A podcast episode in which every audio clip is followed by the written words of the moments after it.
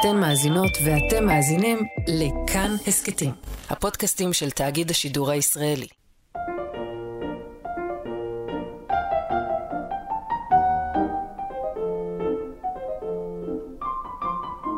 מאחורי הקלעים, שעה עם רותי קרן על צידו הנסתר של עולם התרבות והאומנות.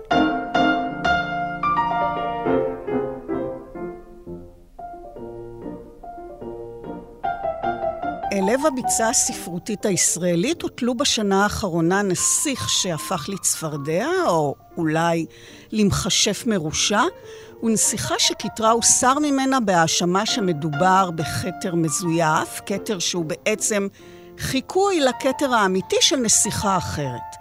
הביצה געשה, הרבה בוץ ורפש שהוצזו לכל עבר, ומנגד יש אולי שיאמרו שתמיד צריך פרשות עסיסיות כדי לעורר את הביצה משמעונה, ושממיה לא יהפכו למים עומדים, אלא שזה טבעה של ביצה, אין זאת? בעבר התנהלו סערות מעין זו באמצעי התקשורת הממוסדים ובידיהם, קרי דעותיהם של מתי מספר, מבקרים ספרותיים, עיתונאים, סופרים, ואילו היום האפשרות להגיב, להביע דעה, להלל או להשמיץ, ובעצם לכתוב כל מה שעולה על רוחנו, מצויה כבר בידו של הציבור הרחב. באמצעות המועדונים הספרותיים של הרשתות החברתיות. שם, בקבוצות הספרות בפייסבוק, מתקיים הדיון האמיתי, האותנטי, שם נמצאת כיכר העיר, או בתי הקפה של פעם, שהיו פתוחים לפני כל אחד, עלית קרפ, סופרת, עורכת, מתרגמת ומבקרת ספרות, מנהלת את הקבוצה המכונה לא סופרים מועדון הקריאה של הארץ, של עיתון הארץ כמובן, שמונה היום 21 אלף משתתפים. היא האורחת שלי היום מאחורי הקלעים, ארז שלום על ההקלטה. אנחנו נשוחח על מה מתרחש בזירה הספרותית הדיגיטלית. אני רותי קרן מגישה ועורכת. שלום עלית. שלום רותי. אז זוכת פרס ספיר אה, אורית אילן הוכרזה ממש אה, עכשיו. פרס ספרותי יוקרתי ונחשק, שעורר לא אחת שערות ואף שערוריות, אחת מהן אפילו בשנה שעברה, בעקבות זכייתה של אילנה ברנשטיין בפרס ב-2020, מתפרסמת כתבה של גילי איזיקוביץ' במוסף גלריה, שתוקעת סיכה חדה בהילת הפרס, ובעצם הופכת את הביצה המנומנמת משהו לגעש שהופך לאחד הדיונים הסוערים במועדון שאת מנהלת. האם ברנשטיין העתיקה, הושפעה מספרה של אה, ורוניק אולמי, נושא שהוא לכאורה ספרותי, אלא שיש בו לא מעט, חייבים להודות, גם מן ההיבט הרכילותי הסנסציוני. אז איך את מנהלת סנסציה כזו? זה בוודאי שפע של פוסטים ותגובות ואיזה סוג של פקק תנועה, לא? בוודאי, אצלנו יש תמיד פקק תנועה, ואנחנו מברכים עליו, כי להבדיל ממה מה שקורה בכבישים, שפקקי התנועה לא מאפשרים uh, את הגעתם של אנשים למקומות uh, שהם רוצים להגיע אליהם, אצלנו פקק תנועה זה סימן לעניין רב שמשהו מעורר. והשאלה, האם באמת אילנה ברנשטיין הושפעה באיזשהו אופן מהיצירה לחוף הים, עוררה אצלנו הרבה... ויכוחים, הרבה פוסטים, הרבה אה, שאלות, ומה שהכי מפתיע זה שלפעמים אנשים אפילו לא קראו לא את הספר האחד ולא את הספר השני, ובכל זאת משתתפים בלהט רב בוויכוח. אז איך את באמת משמשת בסיטואציה הזאת אה, סוג של שוטר תנועה? אני לא שוטר, ובטח שלא שוטרת תנועה. המקום שלי הוא לא כל כך חשוב בתוך המערכת הזאת, את מבינה? אלא אם כן מישהו uh, כותב uh, משהו שמעליב את מישהו, ואז אני לא מאפשרת את הכניסה שלו לוויכוח. אבל הייתה לך איזו התערבות מסוימת? הנה, את אומרת שאנשים דיברו בלהט על uh, משהו שהם uh, בכלל לא קראו, לא את זה ולא את זה. אז... אני לא עוצרת אותם, אני שואלת את כולם תמיד, קראת את הספר? Mm-hmm. זה הדבר היחיד שאולי... לא... אז אמרת אה, משהו? אז אמרתי, אני חושבת שאין מה לדבר על ספר שלא קראנו אותו. יש גבול לכל דבר, אפילו אם הדברים קורים ברשתות החברתיות, והם ללא ספק פחות מחייבים מאשר מה שמודפס בעיתון, יש גבול למה שאפשר לעשות גם ברשתות החברתיות. אבל בעצם מה שקרה פה, למה אני אומרת שזה באמת על הגבול? כי העתקה זה באמת איזושהי סוגיה שכן קשורה למעשה ספרותי. אבל אה, אם באמת אה, נתייחס לעובדה שמרבית השותפים בוויכוח הזה לא קראו לא את זה ולא את זה, בוודאי לא את הספר הצרפתי, שגם לא תורגם אז, באותה תקופה, לעברית, אז ספק מי באמת יכול היה להגיע לקרוא אותו, מלמדת על זה שבעצם הרעיון הזה שמישהי העתיקה ואחר כך זכתה בפרס ספיר, כבר עשה פה עניין, שזה בעצם רוב מהומה לא מהומה. נכון, אבל אה, בואי נגיד שמכל המהומות שמתרחשות במזרח התיכון, זאת לא הכי מסוכנת. כן. אה, אנשים כן קראו את הכתבה שהייתה מורכבת לא רק ממה שגילי עמיתתי אה, כתבה שם, אלא גם מחוות דעתם המלומדת של בני ציפר ומחוות דעתו המלומדת של עמרי הרצוג, ומזה הם הסיקו את המסקנות שלהם. האם אלה מסקנות uh, שהן בהכרח נכונות? אני לא יודעת, ולא השתתפתי בוויכוח הזה, מעבר להיותי כמובן מחויבת לתוכני הארץ, בחוות דעת. אני לא אמרתי, כן, היא העתיקה, לא, היא לא העתיקה. דרך אגב, יש חקיקה מאוד ברורה בנושא הזה, ויש עורכי דין שעוסקים בנושא הזה. אבל uh, אם נדבר על, ה, על משפט הציבור שהתנהל באמת במסגרת המועדון שאת מנהלת, ואמרת, נניח לאנשים שאולי זה לא ראוי לדבר על ספרים שלא קראת, זה יתקבל? תראי, יש אנשים שחושבים שלקרוא את הכתבה זה מספיק, mm-hmm. ויש אחרים שחושבים שבאמת צריך לקרוא את שני הספרים כן. כדי לגבש איזושהי דעה משל עצמם. חודש לאחר פרשת אה, ברנשטיין גועשת הביצה מניתוץ דמות הנסיך הישראלי היפה, דמות מיתולוגית כמעט, שכאמור אינה הופכת לצפרדע, אלא מוצגת כמכשף חורש רע ואכזר מכל מלך. אפרופו ציטוטים שבהם כן. אנחנו משתמשות, נכון. אפילו לפעמים בלי להרגיש.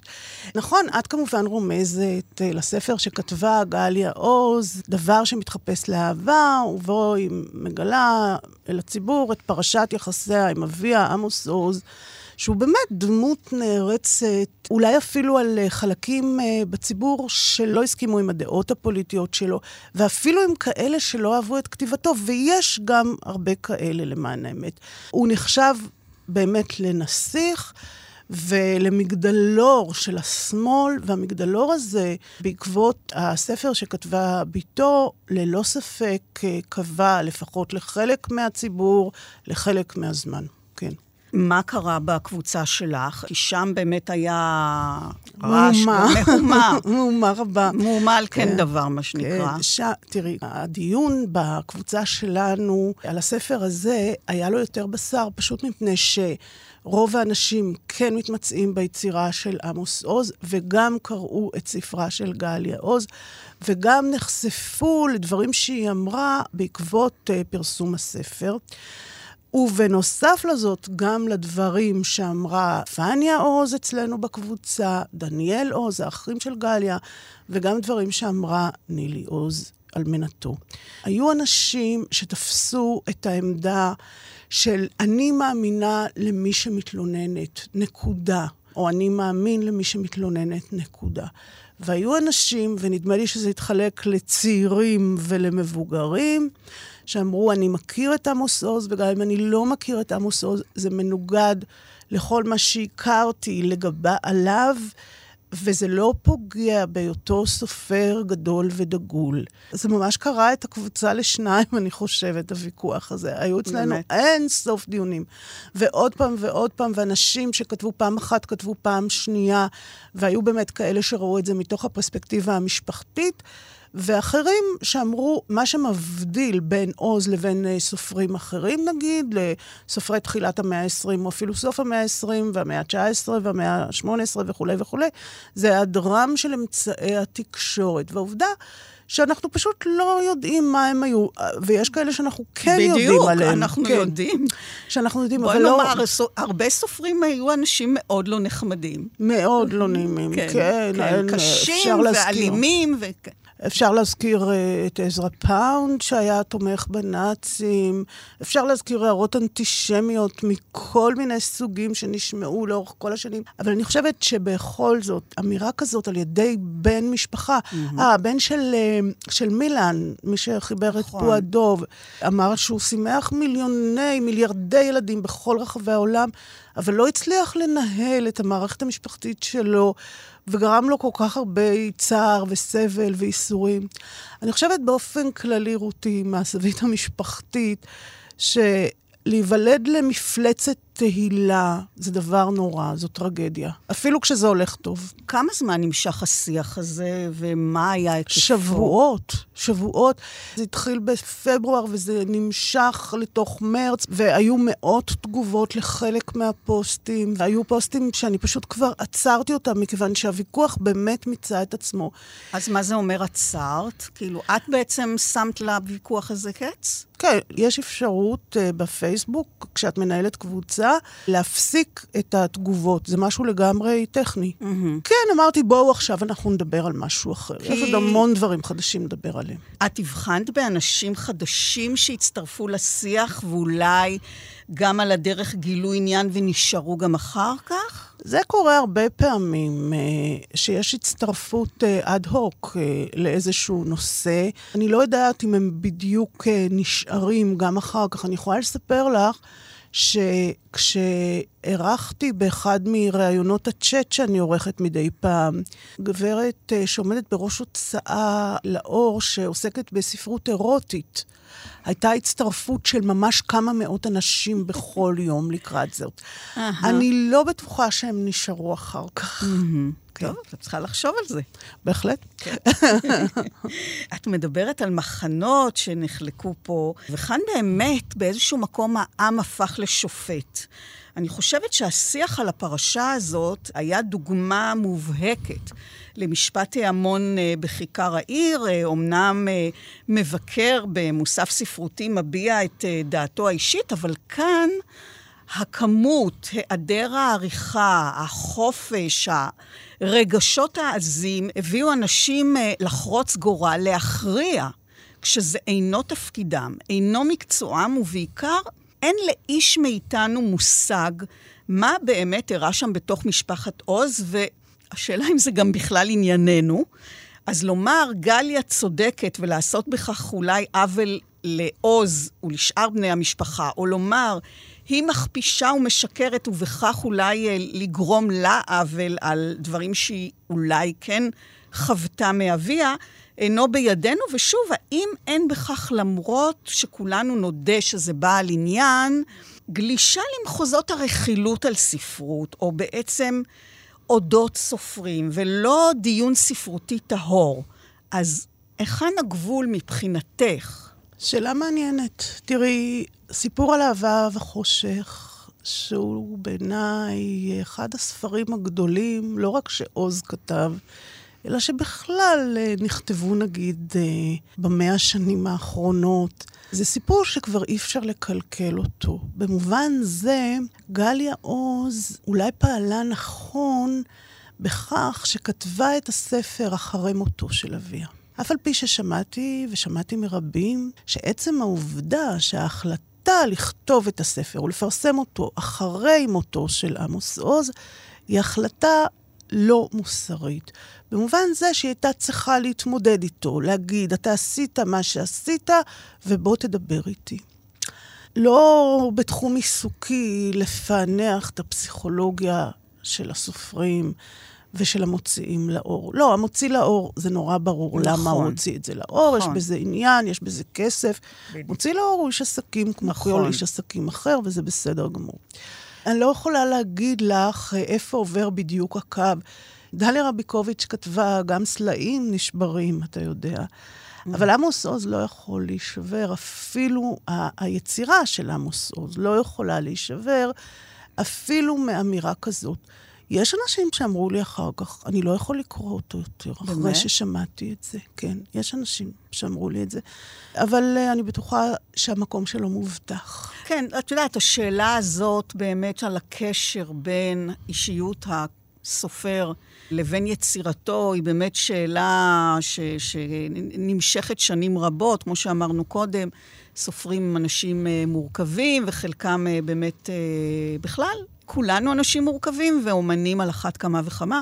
והאם זה קשור ליצירה או לא קשור ליצירה, זו באמת שאלה ודיון בפני עצמו. אבל אני שואלת על, ה, על העניין בתוך הקבוצה שאת מנהלת, שמוגדרת כקבוצה שעוסקת בתכנים ספרותיים, האם הגלישה הזאת אל מחוזות שהם כבר באמת רכילות באיזשהו מקום, או לא קשורים לספרות, כי הסיפור הזה, מה שהוויכוח פה התנהל לא על ספרות. הוויכוח התנהל האם עמוס עוז היה אב מתעלל או לא. לא רק זה. תראי, הספרות מטבעה היא מעוררת רגשות. מי שקרא את סיפור על אהבה וחושך, שהיה רומן אוטוביוגרפי, היום אומרים פתאום שהוא ממואר בכלל. כן, כי זה האופנה כן. עכשיו. כולם כותבים ממואר. כן, אולי זאת ההזדמנות להגיד שנבוקוב חשב שהממוארים הם נחלתם של חסרי הדמיון. יפה. אז כן. מכל מקום, אני זוכרת שכשקראתי את uh, סיפור על אהבה וחושך, רציתי לחבק את הילד ההוא, עמוס עוז. ואני חושבת שהרבה אנשים הרגישו ככה.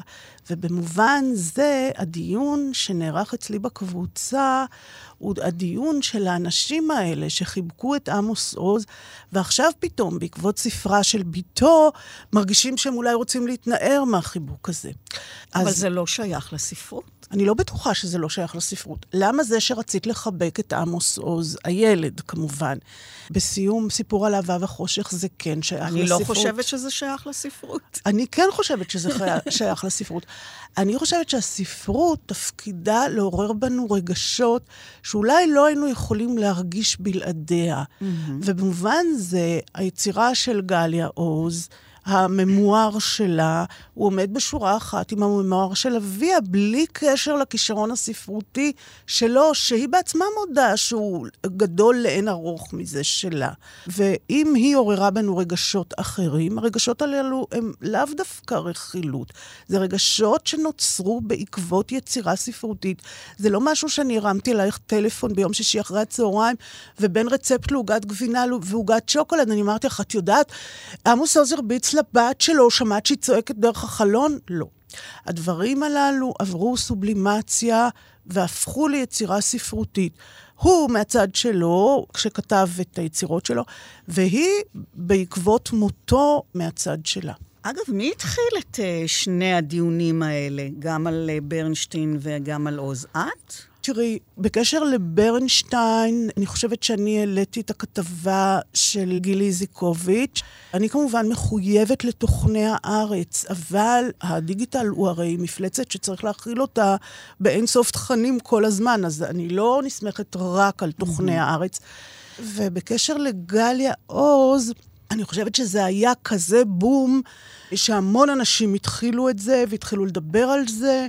אה, זאת אומרת, היוזמה הגיעה מהכותבים והקוראים, לא ממך. ככה אני את חושבת. לא היית צריכה בכלל לעשות שום דבר, זה אה, פשוט... אה, אין מה להשוות. זה פשוט התפוצץ. וגם אין מה להשוות את סדרי הגודל של כל אחד מהסקנדלים. הסיפור עם אילנה ברנשטיין הוא באמת סיפור בעל אופי הרבה יותר ספרותי. וכאן מעורבת משפחה, מעורב אדם, שהיו לו לא רק uh, תכנים ספרותיים בחיים שלו, היו לו גם תכנים פוליטיים. ומוסריים. אני, מוסריים. אני שמעתי מידידים אה, אנשי ימין, שזו מבחינתם הייתה הוכחה במידה רבה מאוד לזה, שאם הוא לא צדק ולא יכול היה לנהל את מה שקורה בתוך ביתו פנימה, הוא על אחת כמה וכמה אינו צודק בכל מה שקשור ביחסינו עם הפלסטינים בפרט והערבים בכלל. טוב. על זה נאמר טוב. אה, צפית שזה יסער כל כך? כן, אני קיבלתי הודעה על הספר הזה מאיש יחסי הציבור של אה, כנרת זמורה, עידו פרץ, ואני הבנתי שזאת פצצה שעומדת להתפוצץ בכל שנייה. כן, זה היה... בשני המקרים? לא, לא, במקרה של אה, גליה עוז. במקרה של אילנה ברנשטיין גם לא נרשמה תגובה שלה במועדון הדיגיטלי שלכם, נכון. במקרה של אה, עמוס עוז הייתה תחינה, כמעט אפשר לומר, של אה, דניאל, הבן הצעיר, להפסיק. אני אצטט את מה שהוא כתב שם. אני חבר בקבוצה הזאת כבר הרבה הרבה זמן. בשבוע וחצי האחרונים היא מתמלאת בהאשמות קשות נגד משפחתי הגרעינית, שהיא משפחה קטנה ואבלה, שכוללת גם אלמנה בת 81 למשל. התפרסמה כאן טענה מעוררת פלצות מצד חבר הקבוצה דרור גרין, לפיה אנחנו מוכנים להקריב אותה, את אחותי גליה, על מזבח השקר המשפחתי. התלבטתי מה לעשות בנידון. אפשרות קלה אחת היא לעזוב את הקבוצה, אפשרות קלה שנייה היא פשוט להתעלם. שתי האפשרויות קלות, אבל בשתיהן אני נענש על לא עוול בכפי. בעצם, למה שיצטרך אדם לעזוב קבוצות שמעניינות אותו? בגלל בריונות נגדו ונגד אמו האלמנה שעדיין מתאבלת, ולמה שיצטרך לסבול בשקט בריונות כזאת? בריונות הוא קורא לזה. לעשות uh, ריפורט על הפוסטים או על הקבוצה אין טעם, כי המנגנון של פייסבוק לא מספיק מתוחכם כדי לשפוט בריונות מסוג כזה, וזאת על אף שהיא מפלצתית לאין שיעור מאשר השטויות שפייסבוק חוסם בגללם חשבונות. אז הגעתי למסקנה שמוטב לי למען שפיותי פשוט לפנות אל חברות וחברי הקבוצה בתחינה. אנא, מדובר כאן על פצע חשוף ושותת דם ועצבים חשופים. אהבתם את הספר? נהדר. אל תיתנו לאיש לקחת זאת מכם. עלילות דם כלפי חבר הקבוצה ומשפחתו האבלה, בדיוק כשהם שרויים בעיצומה של קטסטרופה נוראה, מדירה שינה, אולי זה קצת פחות מתאים לקבוצה שעוסקת בספרות. מה דעתכן? לזה התכוונתי כשאמרתי לך שלהיות בן משפחה של מפלצת תהילה זו טרגדיה מכל כיוון שתסתכלי עליה. אתה תמיד גם נתון להשוואה לעומת אה, האב הגדול במקרה הזה, וגם, זו דוגמה מצוינת לזה שגם אה, נילי עוז וגם אה, דניאל עוז וגם פניה עוז, אפילו אם הם בני משפחת עוז, הם לא פגעו ישירות בגליה, ועצם מעורבותם בעניין נובעת משם המשפחה שלהם. עכשיו, יש אנשים, למשל כמו תרצה אתר, שהחליטו שהשם הזה, אלתרמן, הוא גדול עליהם בעשרה או במאה מספרים. והם החליפו אותו לאתר, אבל אני לא צריכה להגיד לך mm. כמה פתטי זה, וכמה כולם ידעו ויודעים שתרצה אתר הייתה בתו של נתן אלתרמן. ואיזה מחיר כבד היא שילמה על זה. בהחלט, וגם, בין היתר, בהשוואת השירה שלה, שהייתה יכולה להיות שירה יפה, נהדרת ונפלאה בכל הקשר אחר, אבל היא תמיד הושוותה לאבא שלה, שהיה משורר. שבשירות שאני מכירה, בשפות שאני יודעת אותן, אין משורר כמוהו. הוא באמת אחד ויחיד, כן. ולא רק בעברית. אז אתה על כורחך עומד במרכז הזירה הציבורית. והזירה הציבורית, גם כשהיא דיגיטלית, היא זירה מאוד כואבת. בזירה הדיגיטלית היא עוד יותר כואבת, כי יש בה מספרים הרבה יותר גדולים. ואפילו אם כל אחד זורק רק עגבנייה אחת, אז אתה באמת... אה, אז הוא עמד שם, בלב ההמון, והוא אמר, הייתה לי אפשרות לעזוב, הייתה לי זה, והוא פשוט עומד שם ומתחנן, תפסיקו. הייתה היענות לזה? תראי, מה שטוב בארץ, וזה נכון בכל המקומות בארץ, זה שיש פה איזושהי דינמיקה מטורפת, וזה נכון אפילו בספרות. והדינמיקה המטורפת הזאת היא מין מכבש שכובש את האתמול ויוצר את המחר. וזה עבר לבד. אני לא חושבת שזה עבר כתוצאה מזה שמישהו ריחם אה, על דניאל עוז, על אה, פניה או על אה, נילי. ממש לא. כשיש תגובה כזאת, שהיא כל כך אמוציונלית, של מי שחשו במוקד הסערה באופן אישי, נפשי, את נוהגת אחרת? זה מכוונן אותך לנהל את השיח אחרת? אני חושבת שאת מייחסת לי אפשרויות שאין בידיי. לעורך ספרותי יש סדר יום. מגיעים אליו ספרים, הוא מחליט אם הוא רוצה לעשות כתבת רוחב באיזשהו נושא, למשל הממוארים שעליו דיברנו. אם הוא רוצה לעסוק בספרות של פוליטיקאים, כתבה שאני כתבתי לפני כמה שבועות. וגם כמובן הספרים שדורשים ביקורת באופן פרטי. לעורך של uh, קבוצה ספרותית אין את הכוח הזה. העורך של הקבוצה הספרותית בפייסבוק הוא נתין של ההתרחשויות בקבוצה הזאת. הוא צריך לספק כל מיני תכנים, הוא לא יכול לשלוט בהם, הוא לא יכול לכוון אותם. זה דבר שכל הזמן מתפתח. שפעם מישהו אחד מעניין אותו דבר אחד, פעם מישהו אחר מעניין אותו דבר נוסף, ובוודאי זה שמישהו מבקש שלא ידברו על איזשהו נושא, זה לא סיבה לא לדבר עליו. בכל הכבוד והרחמים. כאמור, למה שדניאל כתב היו, ככה סיפרת לי, 792 תגובות. כן. אחת התגובות הייתה של uh, משתתף שבצחוק או שלא, עשה חיבור בין שתי הפרשות. כן, הוא כתב ככה, מציע פרשנות אחרת. גליה עוזי חברה של אילנה ברנשטיין, ורצתה להסיט את האש מהשיח הציבורי על העתקה או אי-העתקה של ספרה מסופרת צרפתייה. כמובן שזה נאמר בצחוק, כן. אבל אני חושבת שזה כן אומר משהו, ואני אגיד לך מה. את התחלת את דברייך בדיבור על הביצה. יש לי חדשות בשבילך, רותי, אין פה ביצה, יש פה רבע כוס מים. שלולית, את אומרת. איזה שלולית. וכל היתושים מזמזמים מסביבה, וכולם מכירים את כולם, וכולם... אה, חייבים לכולם ככה או אחרת. וכאן יש אולי יתרון מסוים לקבוצה ספרותית כזאת, שזה שאנשים, שיש אצלי הרבה אנשים שהם חלק מהברנז'ה הספרותית, אבל יש גם הרבה אנשים שלא.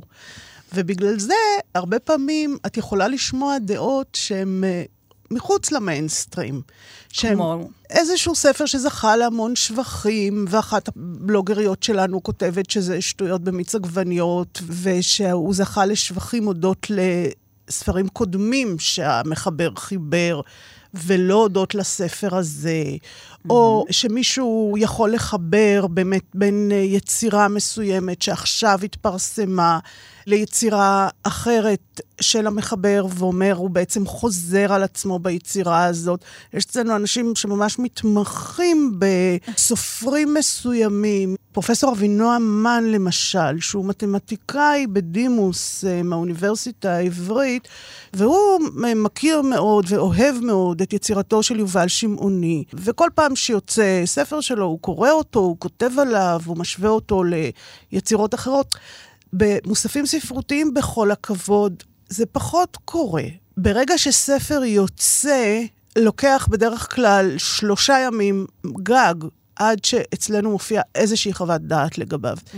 מוספים ספרותיים זה כמובן לוקח יותר זמן. אבל אז כל אחד צריך לעשות לעצמו את העריכות שלו. את זה שהוא קרא את הבלוגר הזה, וקנה בעקבות דבריו את הספר הזה, ונורא התאכזב, אולי, mm-hmm. או שהוא קרא את הבלוגר הזה, וקנה ספר בעקבות מה שהוא כתב, ומאוד נהנה מהספר הזה. זו שאלה של טעם, כן? כן, לגמרי. אבל לי אין סדר יום. הסדר יום שלי זה משתתפי הקבוצה. ישנם נושאים או אנשים שנויים במחלוקת שאת יודעת uh, מראש שזה יעורר סערה ואת אולי נמנעת? בוודאי, יש אנשים... Uh, בעיקר כאלה שנאשמו, גם אם לא הופללו, אני מוכרחה להגיד, הם לא עברו הליך משפטי בהטרדה מינית, באונס, ושוב אנחנו באים לשאלה של הקשר בין סופר לבין יצירתו.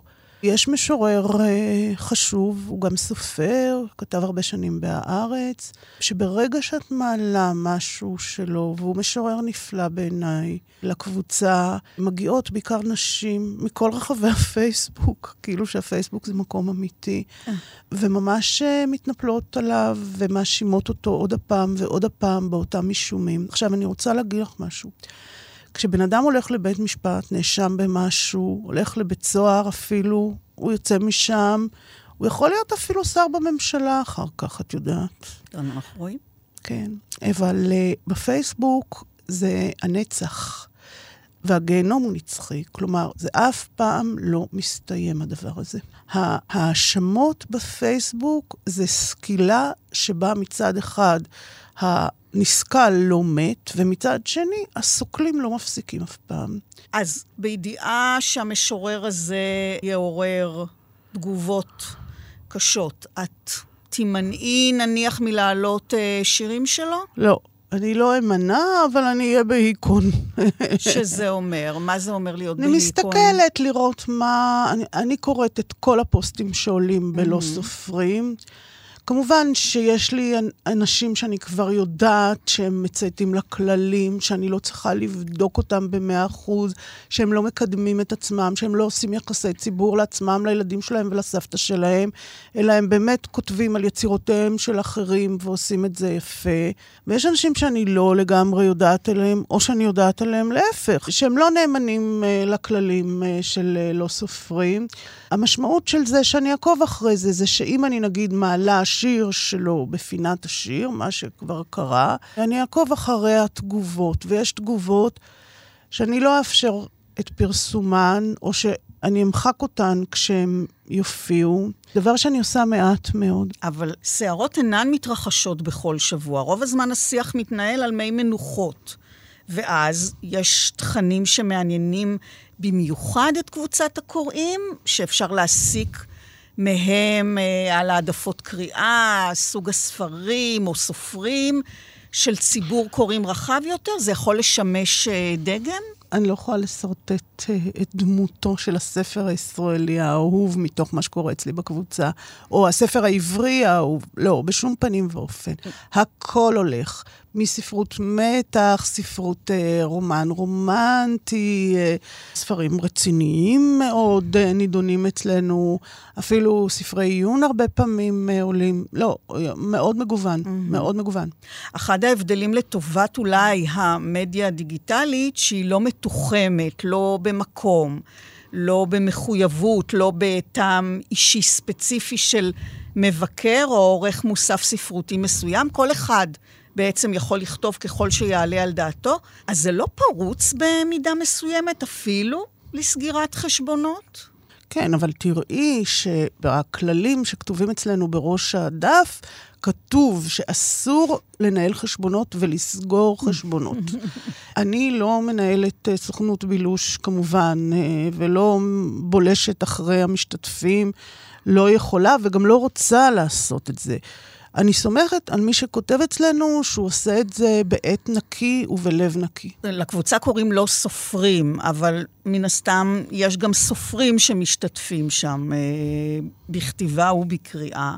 ולא יכול להיות, את יודעת, אה, איזה עקיצות פה ושם ביניהם. דברים שאגב, אה, ראינו במוסף הספרותי של הארץ אה, בצורה מאוד מאוד משולחת רסן. אז את יודעת, דווקא בזירה שהיא פחות מוגבלת, פחות ממוסדת, זה, זה לא לכאורה קורה... יכול היה לקרות עוד יותר. זה לא קורה אצלנו, אני לפחות לא יכולה להיזכר במשהו ספציפי כזה שקרה, שמישהו התנפל על מישהו או משהו מהסוג הזה מתוך איזושהי נקמנות אישית. לא, זה לא קרה אצלנו. אבל בכלל, אנשים לא מרשים לעצמם יותר? תראי, אני חושבת שהזירה הכי פרועה זה לא הפייסבוק. בפייסבוק יש פנים, יש שם.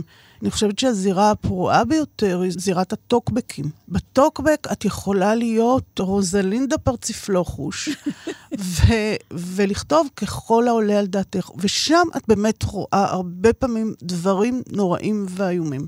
כן. טוב, גם בפייסבוק אפשר לבנות פרופיל ששמו רוזלינדה פרציפלוחוש. נכון, אבל בדרך כלל אנשים אצלנו מופיעים uh, בשמם, או באיזושהי uh, דמות שבה הם רוצים להופיע בפורום ספרותי. וזה אולי בכל זאת דמות קצת אחרת מאשר מקומות אחרים יותר מרופשים. כן, אבל עדיין אנחנו רואים בזירה של הפייסבוק הרבה מאוד התלהמות ואלימות, זה לא זה קיים. קורה אצלנו. זה לא קורה. ואם במקרה מישהו מתחיל או משהו כזה, אני תכף אומרת לו, תשמע, זה לא המקום את כאן. את אומרת לו באופן פרטי או, ב, או ב, לא, בפומבי? לא, אני אומרת בפומבי כדי שגם אחרים יוכלו לשמוע. ויש גם אפשרות להתנצל, ואני מוכרחה להגיד בהזדמנות חגיגית זו, שגם אני מתנצלת מדי פעם. עכשיו, כמנהלת הקבוצה, את לא רק אולי שומרת על גבול מכובד, אלא גם בעצם מניעה דיונים. כלומר, את עצמך יוזמת שיח על נושאים. באיזשהו מקום, אני, שאני חושבת על זה, זה אולי עורך מוסף לכל דבר. אז איך ומה את בוחרת לעלות? אני באמת קמה כל בוקר ומחפשת תכנים אחרים, ולא רק מחפשת תכנים אחרים, אלא גם ממציאה אותם. למשל, יש אצלנו פינת שיר שמתפרסמת שלוש פעמים בשבוע, ויש לנו גם שיר ליל שבת פעם אחת בשבוע. יש לנו uh, רעיון בצ'אט, כשיוצא משהו מעניין שהתארחו בו כבר המון אנשים, ובו יש uh, סיטואציה שהיא לא רק סיטואציה של עיתונאי מול כותב, אלא יש את הסיטואציה של קהל מול כותב, וכל אחד שרוצה להשתתף ולהציג שאלות לסופר או למבקר שמתארח אצלנו או למתרגם, עושה את זה, והאורח עונה לו כמיטב יכולתו. מכיוון שהכל נעשה בכתב, זה גם מאוד שקט, את מבינה, ואין את המהומה. אני בכלל חושבת שהכתיבה, יאנוש קורצ'ק אמר את זה, שהכתיבה היא מרגיעה, וזה נורא נורא נכון, בטח אצלנו. אני בוחרת דברים שמעניינים. יש לי כל מיני uh, אתרים שאני מסתכלת עליהם ושואבת מהם תכנים. וגם מראשית דרכי יצרתי שגרה. כלומר, יש משהו יומיומי שאת uh, ככה עושה בצורה סדירה? כן, קודם כל באמת, כל מוצאי שבת אני מסדרת את פינת השיר לשבוע הבא. למה שיר זה תמיד פינה? כי מה את חושבת? כי מי שכותב שירים, הוא עומד בפינה ומסתכל על האנשים שרוקדים. כן, שיר זה תמיד בפינה, נכון, זה לא סתם. המשורר הוא לא... אה, הוא פרח כי זה תמיד בכל מקום פינת השיר. נכון. אני תוהה פשוט למה, למה השיר הוא תמיד בפינה, ולא במרכז באיזשהו כן. אופן. למה, למה אפשר לדון על uh, ספר עיון או על פרוזה, ואי אפשר לנהל דיון על ספר שירה? א', בוודאי שאפשר לעשות זאת, אבל אני רוצה להגיד לך, יש בשירה משהו מאוד מאוד מרוכז, מאוד מאוד מתומצת, ורוב האנשים התקשו לקרוא ספר שירה שלם ולדון בו בצורה רצינית בחלק גדול ממנו. וזה נכון uh, לא רק uh, בפורומים ספרותיים דיגיטליים, בפייסבוק, פייסבוק. זה נכון גם בעולם uh, הכללי. תסתכלי על אפילו מועדונים ספרותיים. באיזה מועדון ספרותי דנים בספר שירה? אולי אם אחד החברים הוא משורר והוא הוציא ספר וכל החברים נושמים עמוק ואומרים, טוב, יאללה, בואו נעשה לו ערב. שירה זה מדיה מאוד קשה, מאוד מרוכזת, ולא פשוט להתמודד עם זה. בגלל זה שמים את זה קצת בפינה, אבל שלוש פעמים בשבוע או ארבע פעמים בשבוע לעשות פינת השיר, זה מאוד uh, נחמד. עכשיו, כשאנשים מעלים uh, פוסטים, הפוסטים uh, לא עולים אוטומטית, אלא הם כן עוברים אישור שלך. נכון. נכון? כן. אז איך את מתנהלת עם זה? זאת אומרת, את צריכה לקרוא המון אה, פוסטים כאלה ולסנן אותם? כן, כן, אבל כמו בכל מקום, יש, אמרתי לך, את האנשים שאני, ש, שמעלים נגיד שני פוסטים בשבוע, או אפילו שלושה פוסטים בשבוע, ואני מכירה אותם. אה, דרור גרין, לדוגמה, שדיברנו עליו כבר קודם, מעלה לנו שיר ליל שבת. כל יום שישי בבוקר, mm-hmm. שזה דבר שאני מאוד מאוד מעריכה אותו. ואם אני במקרה לא בדיוק רואה ברגע שהוא אה, העלה, אז הוא שואל אותי מה קורה עם זה, ותכף אני מעלה את זה. זאת אומרת, את, את, את צריכה להיות כל הזמן ב standby. אני כל הזמן ב standby. וואי. אני כל הזמן ב standby, בוודאי. ויש לנו גם אחרים. יש לנו למשל את טטי סרוסי, שמעלה פוסטים מאוד יפים ומאוד ענייניים, עם האנשים האלה שאת יודעת, אה, את קוראת אותה ואת מקבלת הכוונה ברורה, אם אהבה את הספר הזה או לא אהבה את הספר הזה. איריס גנור, שמעלה לנו תכנים אה, נפלאים. בועז סלמנוביץ', שמעלה הרבה פעמים על אה, כל מיני ספרים שקשורים בקרבות ובמלחמות. אני חושבת שהוא גם היה אלוף משנה בצה"ל. אני בטח שוכחת uh, כמה אנשים, והם יסלחו לי. חווי הראל, שכותבת על ספרות רומנטית, ואני סומכת עליהם. תראי, דבר ראשון בבוקר, אני בודקת מי מחכה לי, ואז אני מעלה את הפוסטים המתאימים. שזה צריך להיות לא יצירה עצמית בשום פנים ואופן, שאת זה אני לא מאפשרת. בראשית דרכה של הקבוצה אני כן אפשרתי את זה, אבל זה הידרדר למחוזות... אה, שיווק. לא רק שיווק, גם קשקוש. והדבר הזה עלול להצליל את דיוני הסביבה אל תהומות השעמום והגרפומניה, ואני לא אאפשר את זה. איזה דברים למשל? הגיגים, שירים, סיפורים, מלומדים מדברים על יצירותיהם של אחרים. לא מפרסמים את יצירותיהם של עצמם. אז זהו, אני חייבת לומר שאני כתבתי בעמוד אה, לפני כשנה, אני חושבת, פוסט ארוך ומהורהר על uh, הר הקסמים של תומאס מן. זה לא ספר עכשווי, זו כן ספרות מופת. העיתוי היה תרגום חדש אחרי הרבה מאוד שנים, אה, ואני חייבת לומר שנדהמתי ממספר התגובות למה שכתבתי, כשברבות מהן הצהירו הכותבות והכותבים שעכשיו הם יחפשו ויקראו את הספר. וזה ממש ממש שימח אותי כשאני לא לבד בעולם, שיש עוד אנשים שספרות איכותית טהורה וגם לא קלה לקריאה, מעניינת אותם, מרגשת אותם. במובן הזה, זה גם מתפקד כאיזה מיליה חברתי אולי ותקשורתי, שכמובן, מה שהבנתי ממך, חוצה שכבות גיל, מגדר, אפילו אזור גיאוגרפי. נכון, אנחנו נותנים שירות שהוא מין סלון ספרותי כזה, אבל את לא צריכה לצאת מהבית כדי להשתתף בו, ואת לא צריכה לשים ליפסטיק כדי להשתתף בו. את רק צריכה לשבת מול המחשב, או אפילו מול הטלפון, ולספר מה קראת, לשמוע מה אנשים אחרים קראו. ושמעתי כבר מכמה וכמה אנשים אה, בפריפריה, כמו שקוראים לה, שזה מאוד אה, עורר את הזירה הספרותית שלהם, שזה שירות חשוב וטוב עבורם, וזה שימח אותי, כן. אז אה, באמת אה, הזכרת אה, עוד יוזמה שלך אה, כדי לנער את השגרה, זה הריאיון האינטרנטי הכתוב, שמתקיים בלייב. מה זה אומר? בשביל זה המציאו את יום רביעי בערב. בין תשע בערב לעשר בערב מתקיים ראיון בצ'אט. אני מודיעה על זה לפני כן, אני כמובן מסכמת עם המרואיין, שהוא יגיע, כל מי שרוצה להשתתף יכול להתחבר. ברגע שהוא מגיע, אני כותבת מין, אה, את יודעת, מודעת... מה זאת אומרת פיס... מגיע? הוא נכנס לקבוצה, כן? אוקיי. Okay. ואני מתכוננת לראיון הזה כמו שאני מתכוננת לכל ראיון עיתונאי אחר. כלומר, כן. יש לי רשימת שאלות, mm-hmm. אבל ברגע שאני רואה שיש התחממות מצד הקהל, ומגיעות שאלות מצד השאלות הקהל... השאלות מגיעות הן בפומבי, או שהן צריכות לעבור אצלך? לא, לא, לא. הם ברגע שהראיון מתחיל... כולם משתתפים בו. אז זה בעצם ראיון שמתנהל בכתב, כל אחד על המקלדת שלו. כן. פשוט ככה שואלים את השאלות, והוא, מתי הוא מספיק לקרוא את השאלות, אם הוא צריך לענות אה, ולתקתק? כן, הוא צריך לתקתק מהר. כן. וגם, אני תמיד אומרת למשתתפים שלנו, בבקשה, תן עדיפות לקהל.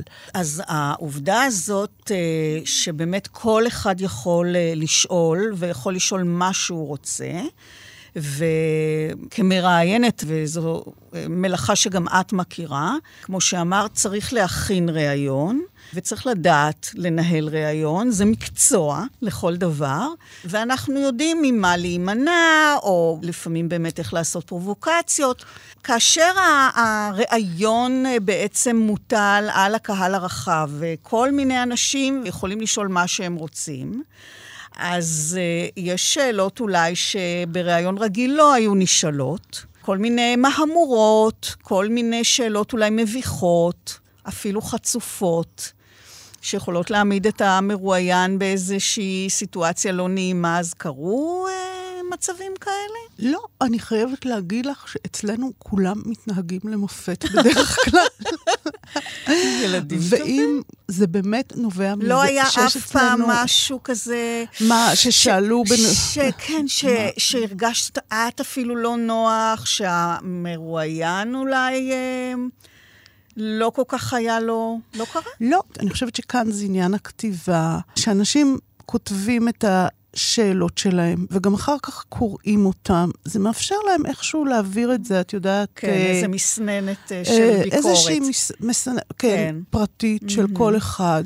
אף פעם לא שאלו אף מרואיין, לא למשקלו ולא לגילו. אה, לא, יש שאלות יותר מביכות. כמובן. אבל uh, היה משהו, למשל, את יודעת, לפעמים, אני אומרת שוב, אני אומרת שזה מקצוע, אבל uh, לפעמים דווקא שאלה, את יודעת, של מישהו שזה אינו מקצועו, יכולה להיות אה, מאוד מאוד מעניינת ומרעננת ובלתי צפויה. היה משהו, איזו שאלה שהגיעה מהקהל, שפתאום גילתה... אני מבינה שרוב המרואיינים הם אנשי אה, ספרות, הם סופרים, או עורכים, או מתרגמים. או מתרגמים. כן. איזושהי שאלה שפתאום אה, גילתה משהו משמעותי? אה? לא. בזכות הקבוצה? לא שאני מצליחה להיזכר כרגע. לא היה איזה אה, סקופ. לא, לא, לא, לא. וגם אין לנו יומרה כזאת, באמת. אה, כן. מה שצריך לעשות בעיתון, יעשו בעיתון, ומה שצריך כן. לעשות אצלנו, יעשו אצלנו. הפורמט הזה תופס? יש הרבה משתתפים? תלוי, תראי, הרבה פעמים כשמראיינים דווקא עיתונאים, כשראיינתי את uh, גילי איזיקוביץ', למשל, באו המון אנשים, וגם uh, כשעמרי הרצוג היה, וגם למשל uh, כשעשיתי ראיון עם אנשי כתב העת ספקולציה, שזה כתב עת שעוסק במדע בדיוני ובפנטזיה, ויסדו אותו אנשי אוניברסיטת בן גוריון, המחלקה לספרות שם. אז גם היו הרבה אנשים, מעצם העובדה שזה אנשים צעירים, זה מעניין אותם אה, איך הדבר הזה נוצר. אה, ישי שריד, למשל, כשיש רב-מכר, המון אנשים רוצים לבוא לראיון הזה, אבל לא תמיד זה אפשרי, ואני אגיד לך גם למה. הרעיון הזה הוא מעניין לא כשאני מראיינת את המחבר, או את העורך, או את המתרגם, כי כמוני, יכולים לעשות את זה עיתונאים טובים ממני ומוכשרים ממני.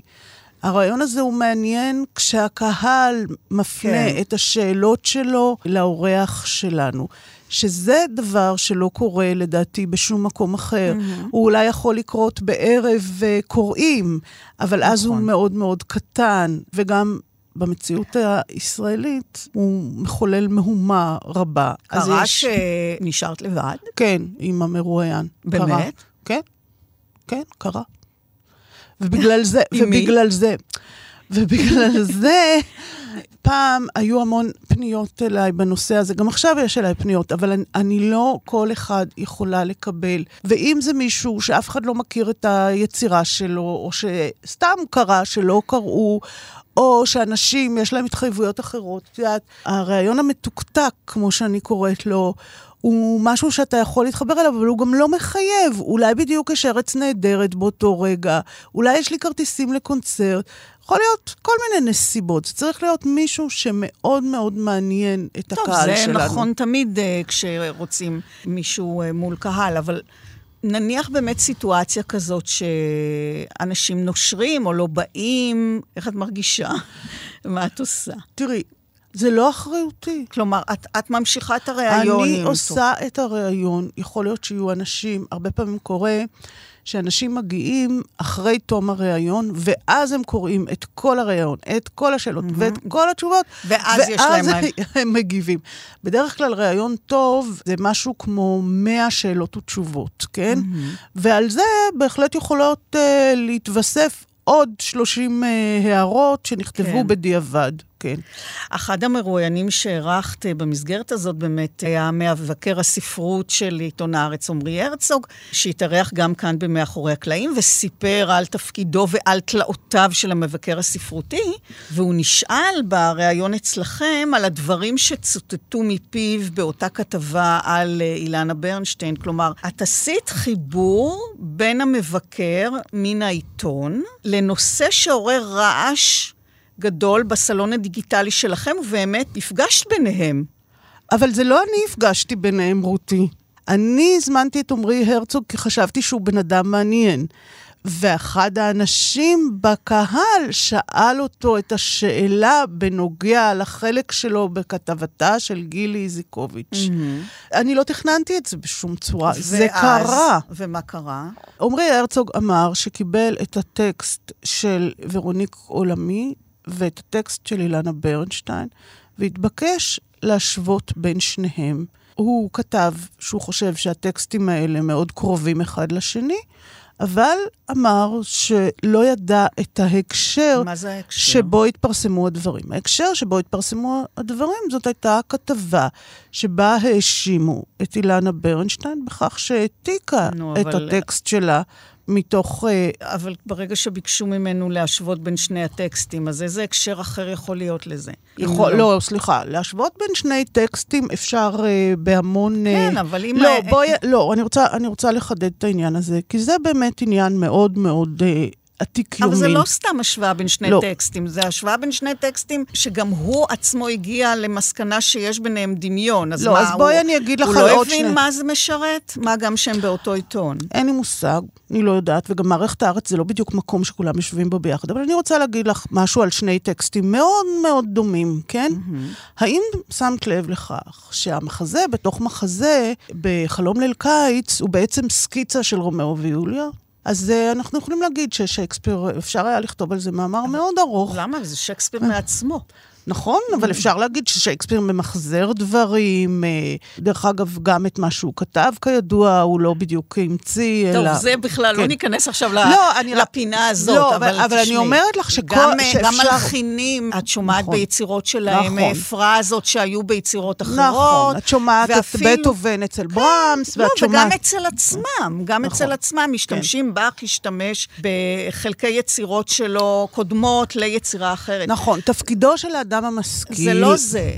תפקידו של האדם המשכיל, של המבקר המשכיל, זה להראות באיזה אופן טקסט מסוים מתכתב עם טקסטים שקדמו לו. אני גם עושה את זה הרבה פעמים. אני לא יכולה להגיד לך בדיוק מה חלף אה, במוחו של עמרי הרצוג, ואם... הוא אמר שהוא לא הבין את ההקשר שבה הדברים עומדים להתפרסם. ומה, הוא הוא הרגיש לא נוח עם זה? אני לא יודעת, את צריכה לשאול אה, אותו. לא, את אומרת שאחד המשתתפים שאל אותו, אז הייתה שם איזושהי שאלה, מתוך איזה משהו שהציק לאותו משתתף. כן, אז, מכיוון, אז מה? לא, אבל אני אגיד לך מה הציק לאותו משתתף. הציק לאותו משתתף שבאותם ימים נראה היה שהמוסף אה, גלריה וגם מוסף ספרים מתנהל באווירה אחרת, מאוד לוחמנית, הייתי אומרת, אלימה ופוגענית, ועל זה הוא שאל. היום, לשמחתנו, הימים הוא האלה, שאל? כן. הימים האלה הם כבר הוא מאחורינו. חשב ש, שבעצם אה, היה כאן איזשהו רצון, כחלק מאיזושהי סדרה של עליהום כל פעם על איזה אה, סופר או משורר אחר, לעשות את זה עכשיו, זאת אומרת, במרכז לוח המטרה הייתה אילנה ברנשטיין, ובאיזשהו מקום עמרי גויס כחלק מעוד, כמובן, קבוצה, הוא לא היה לבד, לממש את זה, זה מה שהוא שאל אותו? א', זאת הייתה שואלת ולא שואל. שירה סתיו, שהיא כן. מבקרת גם במוסף ספרים של הארץ, משוררת, וכתבה, היי עמרי, קודם כל לומר שאתה מבקר מצוין וכן הלאה, מחכים ומעמיק ותמיד שמחה לקרוא אותך. רציתי לשאול על עניין רגיש לדעתי. בזמנו תרמת את חוות דעתך לכתבה השערורייתית על אילנה ברנשטיין. כתבה שבעיניי הייתה מכפישה, אפילו זדונית, ועשתה לה עוול נורא. גם אם החלק שלך נכתב, אני מאמינה בהגינות. אף שלאחר שקראתי את הספר של ורוניק עולמי בתרגום לעברית, אני יכולה לומר בלב שלם שאני לחלוטין לא מסכימה עם המסקנות שהסקת שם. רציתי לשאול, לאחר שראית את הכתבה המלאה ואת האופן שבו הוצגו ומוסגרו דבריך שם, ולאחר שהתוודעת לנזק הממשי שנגרם לה בכתבה הזו, האם יש לך נקודת מבט אחרת על הפרשה? ובקיצור, מה דעתך היום על כל זה? ועמרי ענה לה, תודה שירה על המילים הטובות. אז הסיפור היה כך, התבקשתי לקרוא את שני הטקסטים בלי שום הקשר, ולכתוב, אם יהיה לי מה, על הקשר ביניהם. קראתי אותם בזה אחר זה, וכתבתי את מה שחשבתי על הקשר ביניהם. אגב, קראתי את שניהם לראשונה. המסגור של הכתבה, בעיקר הציטוטים בצהוב, היה בעייתי בעיניי, וחטא לעניין. אני עומד מאחורי מה שכתבתי. אני חושב שבסיפור הזה אין שחור לבן כלל. ונדמה לי שבשתי הגרסאות שנכחו בשיח, בעד אילנה ונגד ליסה ולהפך, כך זה הוצג. ויש לי עוד הרבה מה לומר בנושא. וכאן זה מסתיים? כן. כן, היא, היא לא המשיכה? לא, היא אמרה לו שהיא בטוחה, ואשמח לשמוע בהזדמנות, ותודה. וזה לא משהו שהתפתח מעבר ל... לשאלה הזו, זאת אומרת, על ידי עוד לא. משתתפים. תראי, אני חושבת כן. שזה משקף uh, בצורה טובה מאוד את ההבדל בין עורך מוסף ספרותי לבין uh, מנהל קבוצת פייסבוק. המוסף הספרותי נערך במשך שנים רבות על ידי uh, עורכת uh, שהיה לה קו מאוד מאוד ספציפי והכתיבה אותו. העורך של קבוצת הפייסבוק ניזון מהחברים בקבוצה, והם אלה שקובעים במידה רבה מאוד את סדר היום. זה לא סדר יום אפילו, כן. את מה שקורה שם. עד כמה מתעמתים איתך? הזדמן לי למשל לקרוא פעם או פעמיים מישהו שזועק קבל עם ועדה, שמחקת אה, או סתמת את פיו.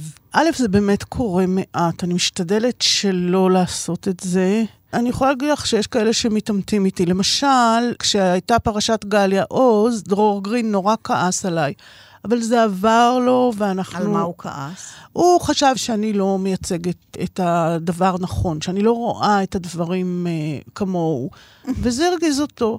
אבל זה עבר לו. זה הדבר הנכון, איך שהוא רואה. כן, כל אדם, את יודעת, חושב שמה שהוא חושב, זה הדבר הנכון. אוקיי. אבל זה עבר לו, ואנחנו ביחסים מאוד נחמדים. לא, אבל, ו... אבל השאלה אם הוא כעס עלייך, אה, כמו שנניח הוא יכול לכעוס על כל מישהו אחר שכתב משהו שנוגד את דעתו שם, או שהוא כעס עלייך אה, בתור מנהלת הקבוצה? הוא כעס עליי בתור מנהלת הקבוצה כמובן, כי בכל זאת, אה, עד כמה שאני משתדלת לא להיות אוטוריטה, אז יש כנראה כן. איזה משהו במילה מנהל.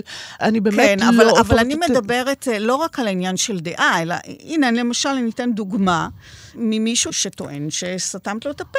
אותו אדם כותב, למה עלית קרפ מצנזרת אותי? מדוע היא מחקה את הפוסט ששם כתבתי, למה בעצם אכפת לי מה אנשים קוראים? ואז את משיבה, יש גבול לשאלות חסרות טעם שניתן להעלות כאן אפילו בסוף אוגוסט. לא, האמת שזה דיאלוג משעשע. ואז uh, אותו אדם עונה, ואת, האחות הגדולה, קובעת מה חסר טעם? את עונה לא, בדיוק. אבל לפעמים באים uh, מים עד נפש, וזה בדיוק מה שקרה אתמול.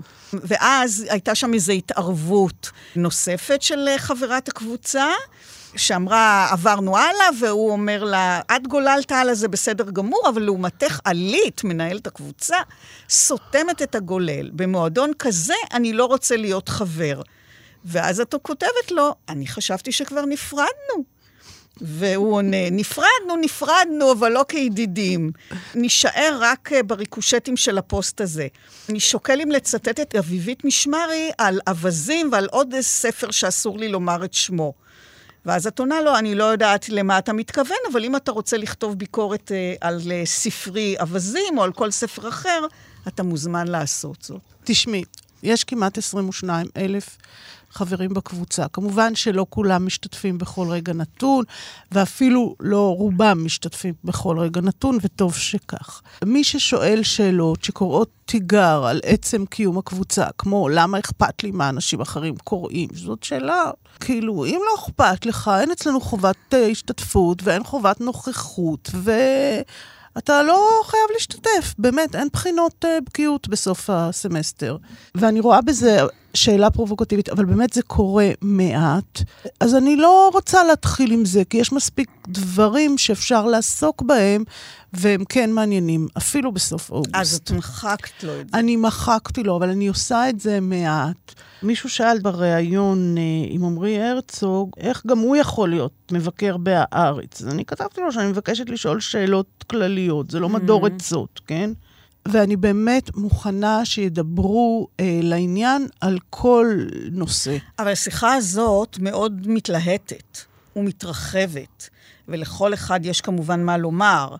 ואז מישהו כותב, אה, פוסט כזה עולה פעם בחודש. ואת עונה לו הרבה יותר, פוסט כזה מתפרסם פעם בחודש. אז מכאן אני מבינה שיש כאלה לא מעט שאת נאלצת לצנזר, הם פשוט לא מתפרסמים. נכון, וגם אני רוצה להגיד לך משהו, רותי. את uh, רואה אותי מפנים ולא מאחור. יש לי שלט מאחורה, אני לא קדושה. אני לפעמים טועה. אני, אני עובדת המון על הקבוצה הזאת. יש לי סדר יום שכל הזמן מסתובב סביבה. וגם ייתכן שאני טועה לפעמים, וגם ייתכן שלפעמים אני מאבדת את הסבלנות. אני נורא משתדלת שזה איך, לא איך יקרה. איך את מתמודדת עם האשמות שכאלה? את, את נעלבת? את לא, לא. כועסת? לא, לא, אני לא נעלבת, אני לא בכלל... זה, קודם כל, אני שמחה שמתרכזים עליי ולא על כן. מישהו בקבוצה. אוקיי. כן? אני שם כדי שיתרכזו עליי, וזה בסדר, יכולים להתרגז עליי. ואם אני טועה, אם העלבתי את מישהו, אם פגעתי במישהו, אני הראשונה להתנצל. באמת. אני באמת חושבת שזה סלון ספרותי, ובסלון ספרותי צריך להיות נעים. ואם אני גרמתי לזה שלמישהו לא יהיה נעים, אז אני מתנצלת. אבל אם מישהו נכנס לסלון עם מגפיים עם בוץ, ומתחיל לצעוק שכולם ילכו הביתה, כי זה לא מעניין מה האחרים קראו, אז שהוא ילך הביתה. ואת עושה את זה כחמש שנים. זה לא פשוט לעבור על כל פוסט שמישהו חושב לפרסם, ולא פשוט ליצור עניין ולהניע שיח ולמצוא נושאים, ובעיקר להתמודד עם אנשים בעם שאוהב להתווכח ולא בדיוק ניחן בנימוס. אז לא נמאס לך? לא, לא נמאס לי. קודם כל, אני המצאתי את הקבוצה הזאת. אני הייתי חברה מספר אחת בקבוצה הזאת, והיא במידה רבה מאוד נעשתה חלק מה-DNA שלי במהלך השנים, ואולי גם אני נעשיתי חלק מה-DNA שלה. אני לפעמים אה, חושבת, סליחה, זה לא כל כך צנוע, שאין מישהו שיכול לעשות את זה ככה. כי? איזה, איזה תכונות צריך בשביל לעשות את זה ככה? קודם כל צריך להיות בה בימים. נו, נו. לא, אני חושבת שבאמת אדם צעיר ממני היה כבר אה, משתגע.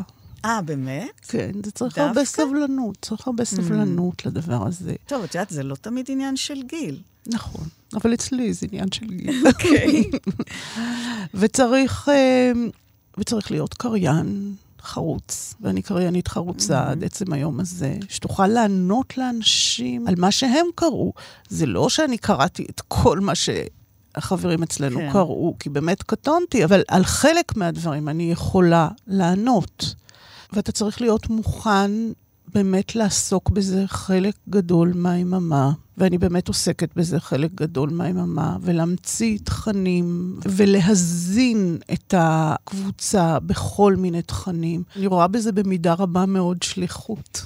אז זהו, אז את חושבת שיש לסלון כזה איזושהי השפעה על סצנה ספרותית, או אפילו על יחידים, על הרגלי קריאה, על אהבת קריאה? לא. לא. לא. אז איזה שליחות? לא. זו שליחות שמאפשרת לאנשים שבאו מהבית שלהם עם הרגשה שהם רוצים לקרוא, או שהם קראו משהו והם רוצים לדבר על הדבר הזה, או שהם קראו משהו והם עוד לא לגמרי בטוחים מה הם חושבים על הדבר הזה. אני נותנת להם את הבמה ואת הזירה לעשות את זה בצורה אינטליגנטית, בצורה שקטה, סבלנית בדרך כלל. אני חושבת שזה מקום נחמד. לעשות אווירה שבה מדברים על ספרות, ושהאווירה הזאת היא לא תהיה אלימה, והיא לא תהיה לוחמנית, והיא לא תהיה תוקפנית.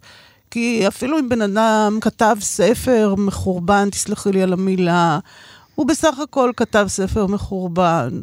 הוא לא עלה על הר הבית, הוא לא התחיל מלחמת עולם שלישית, אה, והוא לא עשה מדורה בסלון. וממילא את אומרת שבסופו של דבר אה, רוב הקוראים והקוראות בארץ בכלל אה, נמצאים במחוזות אחרים. נכון. רק ככה, בסוגריים אני אומרת לך, שיש הוצאות ספרים שעוסקות בספרות אירוטית, מקורית ומתורגמת, שמוציאים כותר בשבוע ואפילו שניים. מה? כן. כן, אנשים רוצים סקס. אחר. את יודעת, פתחנו בסיפורי הביצה ושכשוכיה, אה, ואמרת לי אה, שמה שהכי מסוכן לסלון שכזה זה שגרה או שעמום. אז האם שערות כמו סיפור ברנשטיין, בואכה גליה ועמוס עוז, הם בעצם דלק שמנהל קבוצה כזאת אה, זקוק לה? כדי שהקטר יוכל לשאת את כל הקרונות? בשום שיש לך פנים עניין ואופן. בסקנדלים? לא, בשום פנים ואופן לא. אני בכלל לא חובבת סקנדלים. אני חושבת שבספרות יש הכל. אם יש איזשהו סקנדל, אני רוצה שהוא יעבור דרך הסובלימציה שעובר הסופר בדרך ליצירה. ואני רוצה להזכיר לך, רותי, את הסוף של סיפור על אהבה וחושך. בסוף של הסיפור על אהבה וחושך מספר לנו עמוס עוז על ימיה האחרונים של אמו, שהוא הלך ביחד איתה לטרסנטה שמה, ועלה במדרגות, ופגש את אבא שלו המגושם הזה, שכל כך שמח לראותם, והם ירדו במדרגות, והוא מחבר את הסיפור הזה עם הסיפור אה, שמתחיל בטרה סנטה, מיכאל שלי כמובן, ואומר, על המדרגות האלה פגשה חנה גונן את מיכאל אה, בספר הראשון וכן הלאה.